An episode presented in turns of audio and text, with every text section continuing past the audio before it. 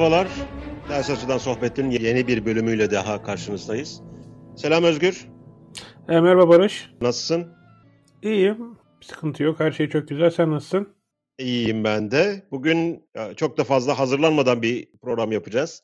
Çok kötü olursa da yayınlamak zorunda değiliz zaten. Senin ortaya attığın bir konu vardı. Ben biraz göz attım. Çok da hazırlanmadım aslında. Biraz ezberden konuşacağız. Bakalım bir de böyle deneyelim. Belki böyle daha mı iyi olur, daha mı kötü olur? Dinleyiciler karar versin. Ya bu aslında hep üzerinde düşündüğümüz, taşındığımız, okuduğumuz, yazdığımız bir konu olduğu için bence böylesi de olabilir diye düşünüyorum ama e, senin de fikrini merak ettiğim birçok e, konu var. O konulara e, girmek istiyorum hızlıca. Hı hı. İstihdam ve iş meselesi. İstihdam sürekli gündemde. Türkiye'de de gündemde, dünyada da gündemde ve açıkçası gelecek 10 yıllarda ya da gelecek yıllarda ya da bugün Covid'den sonra ciddi bir problem olarak gözüküyor bu. Özellikle genç işsizliği, genç istihdamı gibi konular problemken benim üzerinde çok durdun ama benim de e, yeterince kendi açımdan sürekli aklımda tutmaya çalıştığım, sürekli kendimi bir e, nasıl diyeyim böyle bunu aklına tutmalıyım dediğim bir mesele var. Şu, eskisi gibi işler yok artık. Hı hı. Guy Standing'in teorisi var bu işte. Prekaryalaşma diyor buna. Hı hı. Prekaryalaşıyoruz. Eskiden babalarımız, dedelerimiz o nesilleri hatırlarsak bir işe girerlerdi. Orada emekli olurlardı 45 yaşlarında falan. Güzel de bir emeklilik ikramiyesi alır. O ikramiyeyle de ev alırlardı. Öyle bir dünya yok. Hı hı. Ve ben bu dünyanın kayboluşunun günümüzde işte bu popülizm vesaire artık her ne deniyorsa e, bu konularda da önemli bir etken olduğunu düşünüyorum. İnsanlara ciddi bir rahatsızlık yarattığını düşünüyorum. Hı hı. Bunun ve birçok farklı sebepten istihdam, iş ve felsefi anlamda iş nedir, çalışmak nedir, bir işe sahip olmak nedir gibi konuları tartışmamız gerektiğini düşünüyorum. Hı hı. Bugün de bundan bahsetmek istiyorum. Ee, istersen açılışı sen yap. Bu konuda senin tartışılmasını gerekli gördüğün hangi konu var? Öncelikle şundan bahsetmek istiyorum. Ee, bu Hariri'nin Gereksizler Sınıfı diye bir hikayesi var. Çok hı hı. sürekli bahsedildiği için ben bundan bahsetmeyeceğim ama ben bugün iki yazıma değineceğim düzensiz orta yayınlanan. Bunların linkini aşağı ekleriz. Hı hı. Bu Harari'nin Gereksizler Sınıfı tezi üzerinden ben teknoloji işsizlik ve kıyamet mi getiriyor diye bir yazı yazmıştım. E, şimdi benim bu konudaki... Aha, Luditlere baş gireceğiz zannedersem. Efendim? Luditlere gireceğiz zannedersem. Ha, evet ben biraz bu konuda e, ortadayım. Çünkü genelde bizim liberal arkadaşlar işte hep bu teknolojik değişimlerde bir şeyler oldu ve yeni işler yaratıldı diyorlar. Kimisi çok karamsar. Ben önce şunu söylemek istiyorum. Bence tarihte ilk defa bir kişinin, bir işçinin vesairenin sadece işçi olmasıyla orada dikilecek bir adam, kas gücü vesaire ihtiyacın ortadan kalkacağı bir dönüşüm yaşıyoruz. Yani endüstri devrimi bile tarımdan e, fabrikaya işçi gelmesine sebep oldu ama sonuçta orada da bir işçi, işçiye ihtiyaç vardı. Şu an onun dışına çıkıyoruz biz. Hı hı. Bu ne getirecek? Bir gereksizler sınıfı getirecek. Ha bu durumda yeni işler de ortaya çıkacak. Ölen işler yerine yeni işler de gelecek ama bir sanayi devrimindeki gibi çiftçiler gittiği, yerine işçiler geldiği e, maalesef göremeyeceğiz. Başka bir şey göreceğiz zannedersem. Şimdi sanayi devrimi dedin. İstersen ben burada araya gireyim. Sanayi devriminin iki tane önemli özelliği ortaya çıktı. Bunun bir tanesi insanlar arasındaki farkı ortadan kaldıran, biraz eşitleyici rol oynadı. Bir tanesi de tam tersi insanlar arasındaki farkı abartan bir rol oynadı. Ekonomi literatürünü biraz dışarıdan okumuş olanlar veya bu işte iş gücü, sanayi devrimi nasıl etkiledi, e, verimliliği diye biraz okumuş olanlar belki bilirler. Forklift ve mikrofon teorisi diyeyim ben buna. Şimdi forklift dediğimiz insanların bilek gücüyle oluşan farklılıklarını tamamen ortadan kapatan, makine vasıtasıyla ağır eşyaları kaldırmaya ve taşımaya yarayan bir icattı bu. Ve burada insanların bedeni farklılıklarında güçlü olanlar daha büyük avantaj sağlıyordu daha önceden eşyaları taşıma. Forklift gelince bu insanlar arasındaki eşitsizlik ortadan kalktı. Artık herhangi bir e, forklifti idare edebilen herkes bu eşya taşıma işinde eşit rekabet statüsüne kavuştu.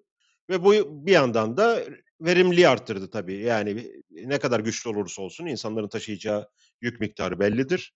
Ama bir forklift devreye girdiği zaman bu insandan kat be kat daha fazla yük taşıyabilir. Bu verimliliği de arttırdı. Ee, işte bunu saat başına mı ölçersin, kişi başına mı ölçersin, nasıl ölçersen öl. Ee, yapılan iş daha kısa sürede yapılmaya başlandı. Bu insanlar arasındaki eşitsizliği ortadan kaldırdı bir noktada. Bu e, hani sadece forklift'e de özel bir şey değil, daha genel çerçevede bir örnek olsun diye bunu söylüyorum. İkincisi de mikrofon ve kayıt teknolojisi. Bugün biz de kullanıyoruz. Bu podcast'i mikrofon vasıtasıyla kaydedip dinleyicilere ulaştırıyoruz. Bu mikrofonun icadından önce veya ses kaydı teknolojisinden daha önce ne vardı? İşte özellikle entertainment dediğimiz eğlence sektöründe küçük köylerde, kasabalarda, düğünlerden düğünlere, hafta sonunda eğlencelerden eğlenceye iş bulan, burada biraz insanları eğlendirerek gerek işte şarkı söyleyerek, çalgı çalarak şey yapan, geçimini sağlayan insanlar vardı. E, tabii kayıt teknolojisinin ortaya çıkmasıyla bu insanlar bir anda işinden oldu.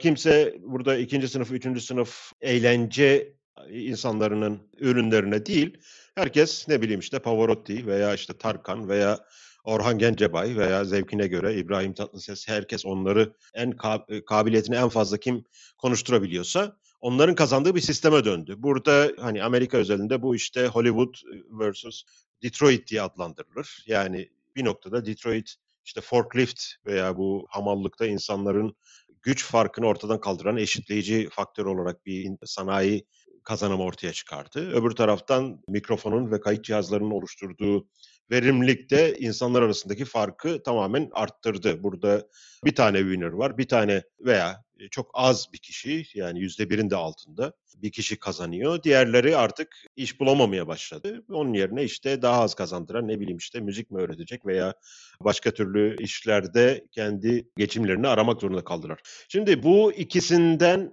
hangisi önümüzdeki dönemde daha geçerli olacak. Bu senin işaret ettiğin soru işareti belki de. 20. yüzyılda biz ikisini de aynı anda gördük. İkisi de insanları geniş bir şekilde yaptığı uğraşları değiştirdi.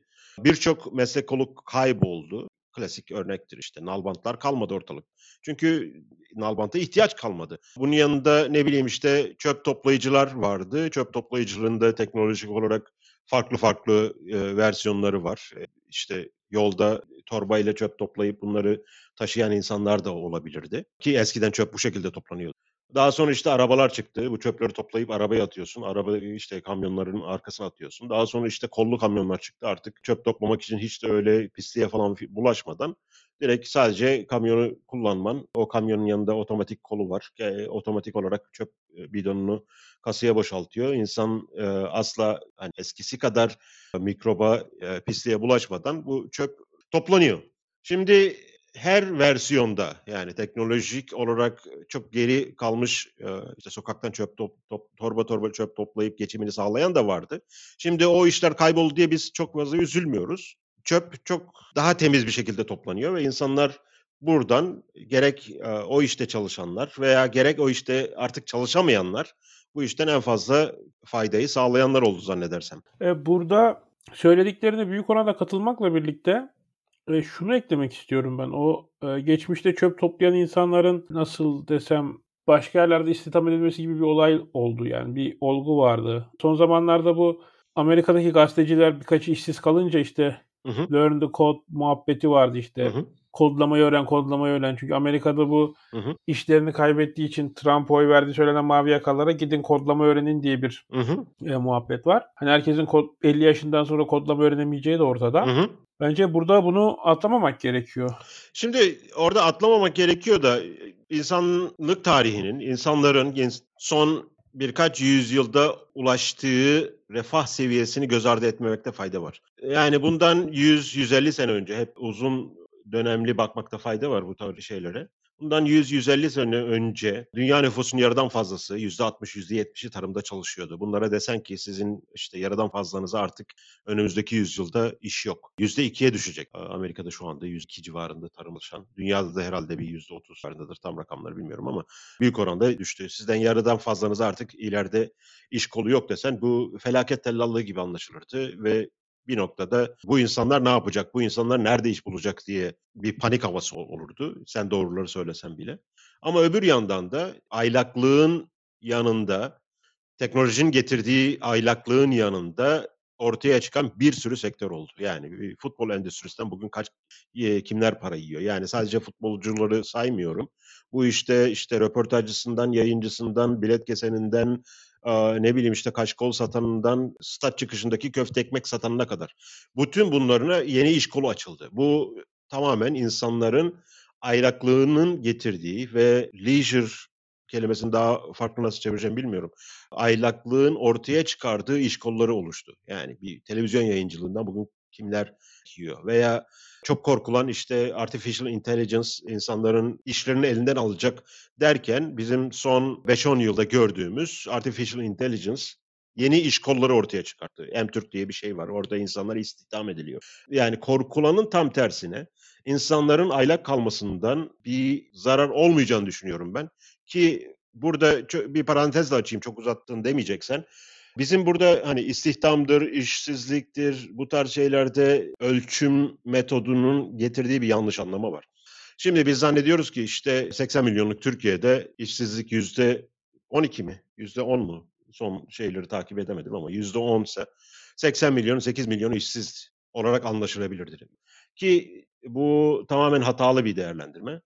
Çok ekstrem bir örnek vereyim, çok uç bir örnek vereyim. Bu 80 milyonun içinde herkesin keyfi yerinde olsa, hiç kimse çalışmak istemese, 100 kişi sadece iş aramaya çıksa ve herkesin keyfi yerinde olduğu için de kimse kimseye iş vermese ve bu 100 kişinin de 99'u iş bulamasa sadece bir kişi ne bileyim işte torpille falan filan bir yerde iş bulsa, bakkal çırağı olsa şu olsa. Sonuçta 80 milyon diyorum. 80 milyon içinde 100 kişi iş arıyor ve bunların 99'u iş bulamıyor diyorum. İşsizliği biz %99 olarak ifade edeceğiz ve bu büyük bir felaket gibi anlaşılacak. Halbuki 80 milyonun içinde 79 milyon 900 bin kişi gayet de rahat yaşıyor olacak. Yani bu biraz uç örnek verdim ama amacım şuydu. İş gücüne katılım dediğimiz şey insanların içinde veya kendi kararlarıyla çalışmak istemesi veya iş araması, iş arama tercihinde bulunması ve bu iş arayanların içinde kimler iş bulamıyor biz buna bakıyoruz. Resmi istatistiklere bakarsan eğer ben çalışmak istiyorum ama hiçbir yere başvurmadım, iş aramadım falan dersen zaten işsiz nüfusta değilsin. Değişik değişik sınıflandırmalar vardır burada. İşte işsizlikten umudunu kesenler, iş gücüne katılmayanlar. Burada iş gücüne katılmama meselesinde ki bir sürü insanın aylak olarak mutlu olmasından bizim gocunmamamız lazım. O bana ters geliyor. Yani insanlar aylak olduğu zaman daha fazla diğer işler için zaman ayırabilirler. Tabii bu aylaklığı sağlayacak refah seviyesi gene son 300 400 yılda inanılmaz bir şekilde gelişti. Artık insanlar böyle canının dişine takarak tarladan kendi gıdasını edinme yönünde bir çalışma içine girmiyorlar. Çok kişi çalışmıyor artık. Bu şartlarda çalışmıyorlar. Çok fazla çalışmadan haftada birkaç saat çalışarak para biriktirip dünyayı dolaşan insanlar var. Bir anda bir refahın getirdiği bir illüzyon da diyeyim. Bu illüzyon sonucunda biz insanların iş gücüne katılmak istememesini biraz negatif yorumluyoruz gibime geldi. O biraz bizim korkumuzu da besliyor. İlerideki felaket senaryolarını da çok fazla destekliyor. Bu beni rahatsız ediyor açıkçası. Bilmiyorum sen bu konuda ne düşünüyorsun? Burada bence ihtiyacımız olan şundan bahsetmek istiyorum. Biraz felsefeye girelim yine diye düşünüyorum. Hı hı. İstihdam ve iş nedir? Buna girmemiz gerektiğini düşünüyorum. Çünkü bir yandan istihdam ve iş değişiyor. Bir yandan da şu var. E, şunu not etmem gerekiyor benim burada. İnsanlar o mekanik Türk vesaire gibi servislerden iş bulabiliyor ama bunlar bu Guy Standing'in e, teori, teorisiyle yani bu ettiği değil mi? Prekarya işler yani. Bugün var, yarın yok. Hı hı. Bir iş e, güvenliği yok vesaire. Biz hep şöyle büyütüldük. Yani benim neslim de böyle büyütüldü. Hatta benden sonraki genç nesiller de şöyle büyütüldü. Bu bir toplumsal sözleşmeydi. Biz okuyacaktık. İşte hı hı. üniversiteye gidecektik. Bizim çok iyi işlerimiz olacaktı. Arabamız olacaktı. Evimiz olacaktı ve bir yerden emekli olacaktık vesaire. Bu bu bitti. Yani iş nedir? İstihdam nedir? İş sahibi olmak nedir? İstihdam edilmek nedir? Bunlar çok keskin bir şekilde yani hı hı. benim gençliğimde yani ben, ben 10-20 yaş arasındaki ben ben 10-20 yaş arasındayken değişti bu. Hı. Ve insan buna tarihte böyle keskin dönüşümler pek olduğunu düşünmüyorum ben. Buna uyum sağlamakta çok zorlanıyor. Yani o mechanical Türk olabilir, dijital nomadlar olabilir vesaire ama ben şunu da biliyorum. Benim İrlandalı arkadaşlarım var. İrlanda'da yaşayamıyorlar. Çok Hı-hı. pahalı. Hı-hı. İrlanda'daki şirketlere iş yapıyorlar ve işte Ukrayna'da, Gürcistan'da falan yaşıyorlar. Çünkü mümkün değil İrlanda'da da yani İrlanda şirketine iş yaparak kazandıkları parayla İrlanda'da yaşamaları Şimdi, mümkün hale gelmedi. Şimdi Özgürcüğüm o insanlar... Ve bunun bir toplumsal ve sosyal faturası var, maliyeti var ve bu ne olacak? Yani bu insanlar buna alışacak mı ya da ne bileyim dünya değişiyor, siz buna e, uyum sağlamanız gerekiyor denmesi ne kadar e, hakkaniyetli ya da mantıklı. Şimdi e, son bir örnek vereyim ben. Daha önce bir kaç ay, bir ayda da bahsetmiştim bunun ama işte bir konferansta dinledim. Belçika'da araştırma yapan bir akademisyen şey demişti. Ya işte Belçika'nın bir bölgesinde istihdam ölmüş, fabrikalar ölmüş. Orada yaşayanlar başka yerlere göç edip başka işler yapmak yerine gidip popülistlere oy vermişler. Hı hı. Bu çok saçma gibi şeyleri duydum. Yani burada istihdam değişiyor, işin ne olduğu değişiyor ama bir yandan da bunun eski sisteme en azından benzer bir şekilde değişmesi için de çok ciddi bir toplumsal e, talep var. Şimdi Özgürcüğüm biraz önce söyledin İrlanda'da yaşamak çok pahalı. İrlanda'daki şirketlere iş yapıyorlar. İrlanda'daki şirketlere iş yapıp Ukrayna'da, Polonya'da yaşıyorlar dedin. Bu nasıl mümkün oldu? Yani bundan 100 sene önce böyle bir şey mümkün değildi. İrlanda'da bir şirkette e, mal bile satamazsın. Bir sene e, şey bir ay seyahatten sonra zor olurdu. Şimdi bu teknolojinin bize getirdiği yine refah seviyesini getirdiği şartlarla böyle bir şey mümkün ve hani küreselleşme diyeceğim çok dillere pelesenk olmuş bir kavram. Burada insanların hem aynı zamanda birbirinden farklılıklarıyla hem de birbiriyle iş yapma, birbiriyle alışveriş yapma, birbiriyle anlaşıp bir şeyler, ortaklaşa bir şeyler yapma güdüsüyle alakalı bir durum. Tarih boyunca iş yapan insanlar veya başkası için ücretli olan olarak çalışan insanlar hor görülmüş, hakir görülmüş, çok fazla paye verilmemiş bir sınıf. Hani ne biliyoruz biz tarih boyunca iki sınıf çok kutsal sayılır. Bunların bir tanesi işte kilise için çalışanlar, bir tanesi de ordu, devlet için çalışanlar. Bunun dışındakilere e, ayak takımı denir. Bu iki sınıfın dışındakiler yani alın teriyle ekmeğini kazanmak zorunda kalanlar veya ticaret yapanlar özellikle hor ve hakir görülmüştür. Ta ki işte Burjuva devrimine kadar. Burjuva devriminde sanayi devrimini kastediyor. Burada sanayi devrimini diğer önceki dönemlere kıyasla farklı kılan şey aylak bir sınıfın ortaya çıkmasıydı. Yani bu aylak sınıfın ortaya çıkması da bundan önceki podcastlerde biraz bahsettik ondan. Tarım üretiminde 20 kişiden 3 kişiye düşmesi yüzyılda İngiltere'de özellikle. Bu kalan direkt 17 kişiyi aylak bıraktı. Bu 17 kişi sanatla uğraştı, bilimle uğraştı. Ne bileyim işte gezegenleri inceledi, işte otları, böcekleri inceledi ve buradan yeni yeni fikirler ortaya çıktı. Bu yeni yeni fikirler daha fazla kişiyi aylak yaptı. Bu aylak kişiler biz aslında hani iş gücü olarak aylak diyoruz ama bunlar aslında hani 19 kişi serserilik yapsa, sokakta dolaşsa yani o parti senin bu parti senin dolaşsa bir kişi bunların arasında bir tane yeni bir buluş yapsa bu bir kişinin yaptığı buluş ne bileyim işte motordur işte yani o zaman ilk başta buharlı motordu sonra işte uçaktı sonra çamaşır makinesi sonra işte biraz önce örnek verdiğim çöp arabaları. Bunları yaptığın anda sadece hani kendisine fayda sağlamıyor ve bütün insanlığa, bütün insanların aylak olarak geçireceği zamanı artırıyor. Bu aylak olarak geçireceği zaman da burada diğer kaynaklardan, e, diğer doğal olsun, kısıtlı olsun, diğer kısıtlı kaynaklardan farklı olan bir şey var. Konveks bir şekilde artıyor. Yani diminishing returns dediğimiz bir durum vardır bizde. Hani azalarak artan şeyler işte iş gücünün katkısı, iş gücünün şeye katkısı, üretime katkısı azalarak artarken bunlar artarak artan yani ilk katkısı 2 ise ikinci katkısı 4 ondan sonra 16 ondan sonra 32 şeklinde artan bir şekilde insanlığa veya toplam refaha hizmet ediyor. Bugün öyle bir duruma geldik ki yani sen felsefi alandan açtın ben biraz daha pratik alandan söyleyeyim. Yani bu insanlar daha çok değil 20 sene 30 sene önce bir müzik setiyle dolaşacak. Aynı zamanda fotoğraf albümünü yanında taşıyacak. Aynı zamanda mikrofonu yanında taşıyacak. Bir tane pusulası yanında olacak. Ondan sonra kamerasını da yanında taşıyacak. Bu e, sadece kamerası yanında olması yetmeyecek. Daha önce hayatı boyunca çektiği bütün resimleri de aynı anda sürekli olarak yanında olmasını sağlayacak. Böyle bir şey mümkün değildi. Yani böyle bir şey bu insan harcayarak böyle bir şey, şey yapamazdı. Şimdi herkesin elinde bunlardan var. Yani akıllı telefon diyoruz.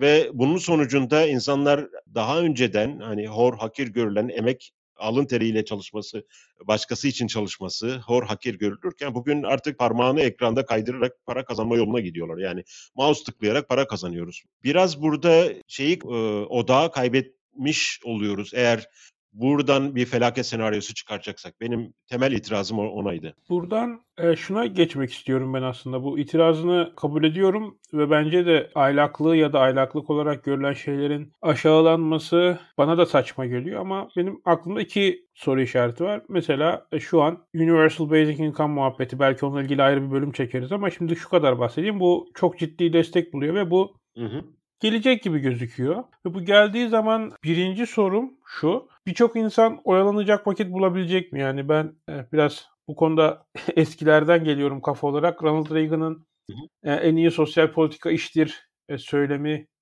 en azından benim hayat tecrübemde çok mantıklı geliyor bana. İnsanlar bir işi olduğu zaman bayağı ona işte odaklanıyor, anlam buluyor, orada sosyal çevre dinliyor vesaire. Bir, e, bunu aşmamız gerekecek. Bir sürü insan o aylak vakti değerlendirebilecek mi ve kendisini tatmin edebilecek derecede değerlendirebilecek mi bu vakti? Ben burada çok ciddi soru işaretleri yaşıyorum. Mesela işte ikimiz düzenli olarak podcast kaydediyoruz. Başka yaptığımız entelektüel işler de var. Bizim gelirimiz olmasa bu işlerden ya da işte atıyorum bize devlet para verse ya da devlet para vermese de 5 tane dairemiz olsa kiralık biz hayatımızı anlamda doldurabilirdik. Ama bu herkes için geçerli olabilecek mi? Benim aklımdaki birinci soru bu. E, ikinci soru da teknoloji çok hızlı gelişiyor diyoruz. İşte bilgisayardan tıklayarak e, para kazanabiliyoruz, hayatımızı idame ettirebiliyoruz diyoruz. Bu birçok insan için geçerli olabilir ama geniş kitleler için hala aradan pandemi başlayalı bir yıldan uzun süre oldu ama insanlar hala işte Zoom'da doğru düzgün bir ses alacak teknik altyapıyı sağlayacak kadar e, teknolojik okuryazarlıkla elde edemedi. Çok insan da bu alanı yakalayamıyor en azından mevcut insanlar arasında. Bunlar ıskartaya çekilmiş çekilmiş hissederlerse nasıl bir tepki oluşturacak? Benim biraz kafamdaki soru işareti bu sosyal faturayla, bu sosyal maliyetle ilgili açıkçası. Ama biz bunun bir ön izlemesini yaşadık. Ben bunu nerede fark ettim? Hı hı. Bu notlarımıza ekledim. Yayında da diğer arkadaşlar için aşağı not ekleyeceğiz. Tim Cook'un bu Trump hı hı. seçimden önce işte Amerika'ya üretimi getireceğiz vesaire. Hani Tim Cook şunu söylüyor. Diyor ki e, Çin'e biz maliyetler için yani düşük işçi maliyeti için işleri gönderiyoruz diyorlar ama onların biz Çin'de nerelere gidip gördüğünü bilmiyoruz. Aslında mesele şu, mesele biz Çin'e Amerika'da bulamayacağımız kalifiye insanları bulmaya gidiyoruz diyor. Bu da şu, Amerika'da gerçekten bu yapılmayı yapılması hoşa gitmeyen işleri gönderdiler yurt dışına.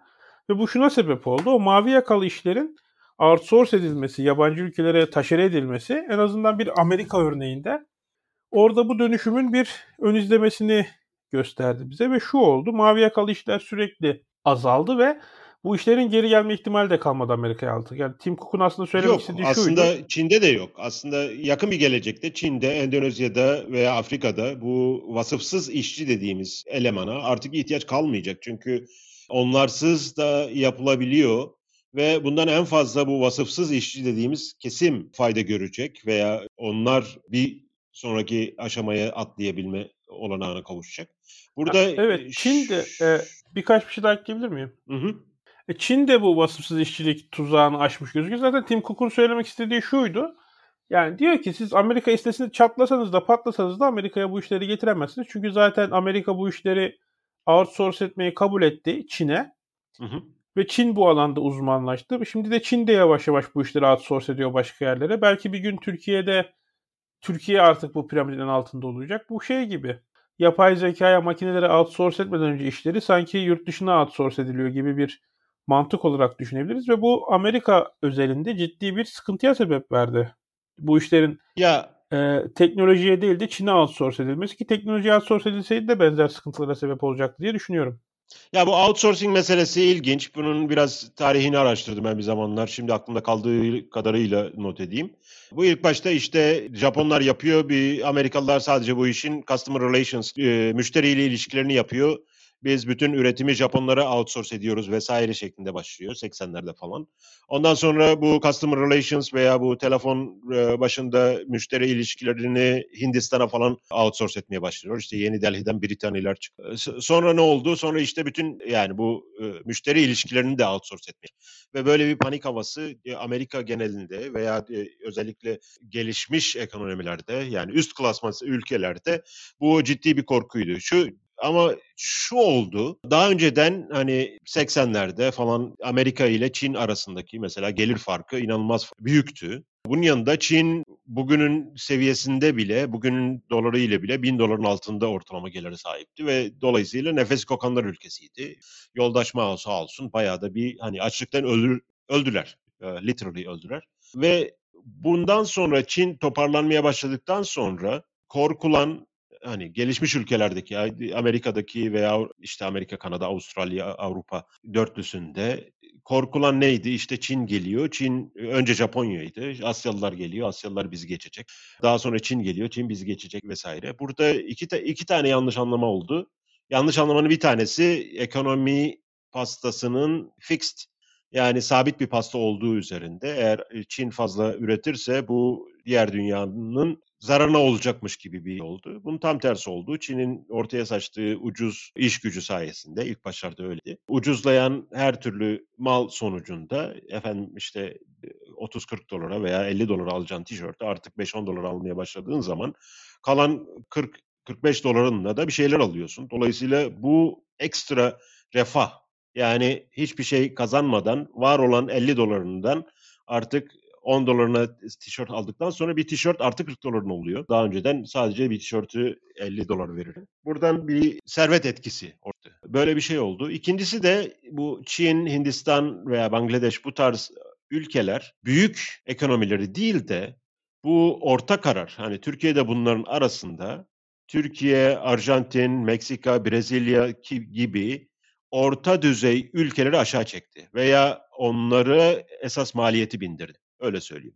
Yani işte tekstildir, bu ucuz iş gücüne dayalı bütün sektörleri önce kendisine çekti. Sonra bu sektörler tamamen yok oldu veya tamamen yok olma aşamasına geldi. Buradaki işte ikinci yanlış anlama da bu oldu. Yani gelişmiş ülkeler gelişmeye devam etti. Eşitsizlik daha da artıyor. Bunun yanında Çin artık hemen hemen Türkiye'ye yakın hale geldi zannedersem ortalama gelirde. Veya Türkiye geçmiş de olabilir sonra. O rakamların da işte ne kadar accurate, ne kadar ciddi bir araştırmayla hesaplandığı kuşkulu olsa bile hani genel trendi gösterme, göstermesi açısından bu en altta dediğimiz ülkeler şimdi Afrika'dan benzer bir atılım bekliyor. Yuk, yukarıdakileri yara, e, yakalamak yerine ortadakileri geçmek ve ortadakilerin esas iş kollarını ellerinden alma gibi bir sıkıntı içine sok. Burada tabii şu var. Ben tamamen toz pembe bir resim çizmek istemiyorum. Bu büyük suç biliyorsun toz pembe resim çizmek. Ama esas benim söylemeye çalıştığım şey şu. İnsanlar refah seviyesi geliştikten sonra çalışmak istemiyorsa ve daha daha az çalışıyorsa veya verimliliği arttıktan sonra eğer daha fazla aylak zamanları oluyorsa bu insanlığın yararınadır, zararına değildir. İkincisi esas negatif kısım ise insanların resentment dediğimiz birbirini çekememezlik veya benden fazla kazanan herkes hırsızdır. Niye benden daha fazla kazanıyor? şeklinde bir bakış açısıyla insanların başkasının kazandığını veya başkasının sahip olduğu şeyi nasıl hangi yollarla onun elinden alırım ki devlet bu aşamada ciddi bir aracılık yapıyor. Daha doğrusu devlet bu politik düşünceleri kendisine aracı olarak kullanıyor. Burada bölüşüm kavgası ciddi sorunları ortaya çıkarma açısından ekonomik kavgadan daha başat rol oynuyor diye düşünüyorum. Yavaş yavaş sona gelirken ben biraz gelecek tahayyülünü merak ediyorum senin. Ee, öncelikle kendi gelecek tahayyülümden bahsetmek istiyorum. Bence birkaç 5 yıl ya da birkaç 10 yıl biraz sıkıntılı bir süreç geçecek. Çünkü bu yeni ekonomik sistemi, ortaya çıkan teknolojinin bence e, ivmelendirdiği yeni teknolojik sistemi toplumların ya da insanların uyum sağlaması biraz zaman alacak diye düşünüyorum. Çünkü bu kadar köklü bir değişiklik daha önce olmadı diye düşünüyorum. Bu evlilikleri etkileyecek, e, çocuk yapımı sayısını etkileyecek vesaire vesaire ama elbette bir noktada e, buna uyum sağlanacak ve şunu açık ve net belirtmek istiyorum. Benim burada sorun olarak gördüğüm şu değil. Yani insanlar iş bulamayacak, doğru düzgün iş bulamayacaklar için aç kalacaklar falan değil. Bu bence meselenin en kolay kısmı. Benim e, Kanada'da evsizlerde çalışan bir arkadaşım vardı. Ondan duymuştum. Ya şey demişti biz herkesin cebine ayda 2000 dolar 3000 dolar koyup bu işi çözebileceğimizi bilseydik zaten verirdik. Mesele hiç para değil demişti. Hı hı. Benim gelecekte yani bu istihdam ve iş üzerine konuşmak, düşünmek ve hani bir çözüm bulmak da değil. Sadece bunu tartışmak, bunun farklı açılardan yaklaşmak, farklı konseptleri bahsetmek gerektiğini düşünüyorum. Çözümü belki çok daha zor hatta imkansız olsa bile. Hani burada hakikaten şu mesele değil. Yani herkesin cebine 1000 dolar, 2000 dolar para girmesi ya da 2500, 3000 lira para girmesi Türkiye standartında değil. Çünkü bu meselenin en kolay tarafı ama insanların aile kurması, bir işten, hı hı. bir işiyle kendini tanımlaması ki bugün konferans düzenlerseniz öğrencilerle ilgili mesela hani hukuk fakültesi öğrencisi Av işte Özgür Özer diye bir mail adresi verir ya da av barış ters açı diye bir gmail.com diye mail adresi verir. Çünkü Hı hı. Oradan sahiplenmeye başlar mesleğini. Hani bunlara bunlara çözüm bulunmasından ziyade bunları artık kendisini mesleğiyle tanımlamayacak, e, kalıcı bir meslek, kalıcı bir gelir kaynağı hayali olmayacak nesillerin yetişmesiyle birlikte doğal bir geçiş olana kadar bunun hem sosyal hem siyasal hem de ekonomik faturalarının çok yüksek olacağını düşünüyorum ben. E, senin benzer gelecek tahayyüllerin nasıl? E, nasıl bir geçiş olacak bu e, radikal dönüşte ve devrimde onu merak ediyorum. Şimdi benim bakış açım devrimden daha çok evrim yönünde. Ekonomik anlamda ben daha iyimserim. Bu ekonomik aktivitenin doğasından kaynaklanıyor. Ekonomik aktivite iki tarafın rızasına dayalı bir aktivite. İki taraftan bir tanesi eğer alışverişten memnun değilse hemen walk away yapar. Yani yürür gider başka bir dükkana gider veya başka bir müşteri arar veya başka bir satıcı arar. Dolayısıyla iki tarafta memnunsa o ticaret veya ekonomik transaction veya evlilik veya herhangi bir gönüllü takas işlemi, gönüllü alışveriş işlemi, gönüllü anlaşma işlemi şey yapar, vuku bulur. Bu açıdan ben e, olumluyum. Her türlü ekonomik gelişme büyük pozitif sonuçlar doğuracaktır. Negatif sonuçlar doğurabilir. Letosa'ydı zannedersem. Hangi e, şimdi tamam 2011 yılında onu daha sonra internetten arar haberin linkini koyarım. Burada ciddi bir sek- sektörel bir veryansım vardı. Sektör ağlıyordu Afrika'da. Sebebi de bu tabut sektörü, tabut yapıcı sektörü. AIDS kaynaklı ölümlerin azalmasından dolayı işsizlik artmış tabut sektöründe. Bunlar da yani bir kısmı işte marangozluğa geçmiş işte oradan işte sandalye masa yapabilir miyim oraya doğru geçmiş. Yani bu hani sektörel bazda felaket ama genel bazda AIDS'te dolayısıyla ölümlerin azalması kuşkusuz olumlu bir şey. Bu tarz şeyler olacaktır. Yani nalbantların ağlamasını biz duyacağız veya farklı farklı kaybolan mesleklerin ağlamasını duyacağız ama genel olarak ben ekonomik aktiviteden veya ekonomik evrimden e, mutlu olacağını düşünüyorum insan. Diğer tarafta politik evrim mi diyeyim, politik devrim çok tehlikeli noktaya gidiyor. E, bu son bir senede de bunu gördük. Bürokratik, otokratik yapı çok sınırlı, sınırlanamaz boyuta geldi. Bu Çetin Altan'ın deyimiyle, Çetin Altan mı söylemişti onu, geçinenler kısmı veya vergi yiyiciler diyeyim artık kısıtlanamaz. Yani insanlık tarihinde bu kadar güçlü hale gelmemiş gelmemişti. Bundan bir sene önce işte sen anneni babanı görmek için devletten izin alacaksın deseler kimse inanmazdı ama bugün gerçek oldu. Bu ciddi tehlikeli durumlara yol açacak. Bu da politik her türlü alışverişin doğasından kaynaklanıyor. Politik her türlü alışverişin temelinde anlaşmazlık yatar. Eğer anlaşmazlık yoksa politik bir konu da yoktur. Herhangi bir konuyu düşünün. Politik ajandada yer alması için o konu üzerinde en az 2, 3, 4 hatta yüzlerce farklı fikir olması gerekiyor ki politik ajandada kendini, kendisine yer bulabilsin. Herkesin fikir birliği yaptığı konular politik ajandada yer bulamaz. Politik ajanda daha fazla kavganın yeridir. Dolayısıyla devlet de bu kavgadan güçlenerek ortaya çıkar. Bu konuda çok iyimser değilim. Daha fazla devletin gölgesini, devletin sıkıştırmasını hissedeceğiz. Ve devletle aynı yatakta sabahlayanlar, geceleyenler bu şirketler özel olarak işte tekel kapitalizmi olabilir isimlendirme olarak başka bir şey de olabilir ama özellikle hakimiyetini veya gücünü devletin e, yatağına borçlu olanlar ciddi sıkıntılar ortaya çıkaracak diye düşünüyorum. So, bir tarafı toz pembe, bir tarafı biraz daha karamsar bir tablo çizdim zannedersem ortaya. Çok da şaşırmadım açıkçası. Ee, evrimsel olarak insanlara toplumlar tarihsel olarak hep yolunu bulduğu gibi yolunu bulur ama devletin burada ne kadar görev üstlenmeye çalışması, ne kadar göreve çağrılması gibi bazı sorunlar da var. Ee, bir şey daha söyleyecektim onu unuttum Özgürcüğüm. Sen unutma söyleyeceğini. Biraz önce söylediğin hani o Universal Basic Income veya o tarz şeyleri tekrar bir konuşuruz. Bence çok gereksiz yere fazla yer işgal ediyor. Sanki insanlar yıllar boyunca hatta yüz yıllar boyunca binlerce yıl birbirine hiç yardım etmemiş gibi, yardım etmeyi ilk defa keşfediyormuş gibi bu konu üzerinde o kadar zaman harcanıyor ki yani veya ne bileyim işte daha önce de konuştuk mu bilmiyorum bu asgari ücret üzerinde. Türkiye'de belki oran biraz yüksek ama yani as, asgari ücret üzerinde çalışan kişi sayısı toplam istihdamın yüzde biri midir, ikisi midir, nedir? Yani bunların üzerinden kopan kavganın haddi hesabı yok. Yani sanki insanların birbirine yardım etmesini hiç görmedik veya sanki insanlar hiç birbirine yardım etmedi.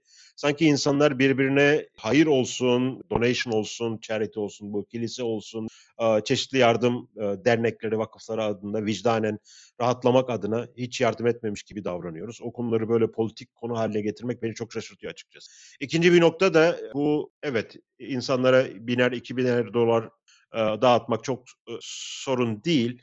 Ama orada e, nasıl bir nesil yetişecek, nasıl bir kültür oluşacak o önemli. Bu kültür kodları belki e, İlker Hoca da bu konuda ileride yayınımıza katılırsa ona da belki sorarız. Kültür kodları nesiller boyunca nasıl oluşuyor? Burada bir asalak kültürü nasıl oluşuyor? Asalak kültürünün sonuçları nasıl e, etkiliyor insanların davranışlarını? Bu da önemli bir konu. Çünkü bir insan kendi tercihleriyle bir A noktasına ulaşması var. Bir de o A noktasının devlet veya herhangi bir başka birisi tarafından bu insanın eline sunulması var. İkisi de belki maddi veya belki olanak açısından aynı şartları sağlıyor bu insana ama bir tanesinde bu benim kendi tercihimin sonucu diye ortaya çıkan bir özgüven var. Bir psikolojik, bir psikik getiri var orada. Diğer tarafta bu bana verildi, bu bana sunuldu. Benim buna hiçbir katkım yok. Benim ben buna nasıl katkı yapabilirim? Veya belki hiç o umurunda bile değil hiç yapmak. Aa, niye bana sunmuyorsunuz şeklinde bir asalak kültüre doğru gitme riski var. Bu daha derinlemesine belki ileride konuşabilece konuşabileceğimiz bir konu. Demin sen felsefi olarak tartışalım dedin. Ee, o konuyu söyleyecektim. Unuttum, ekledim. Kestim, sen devam et.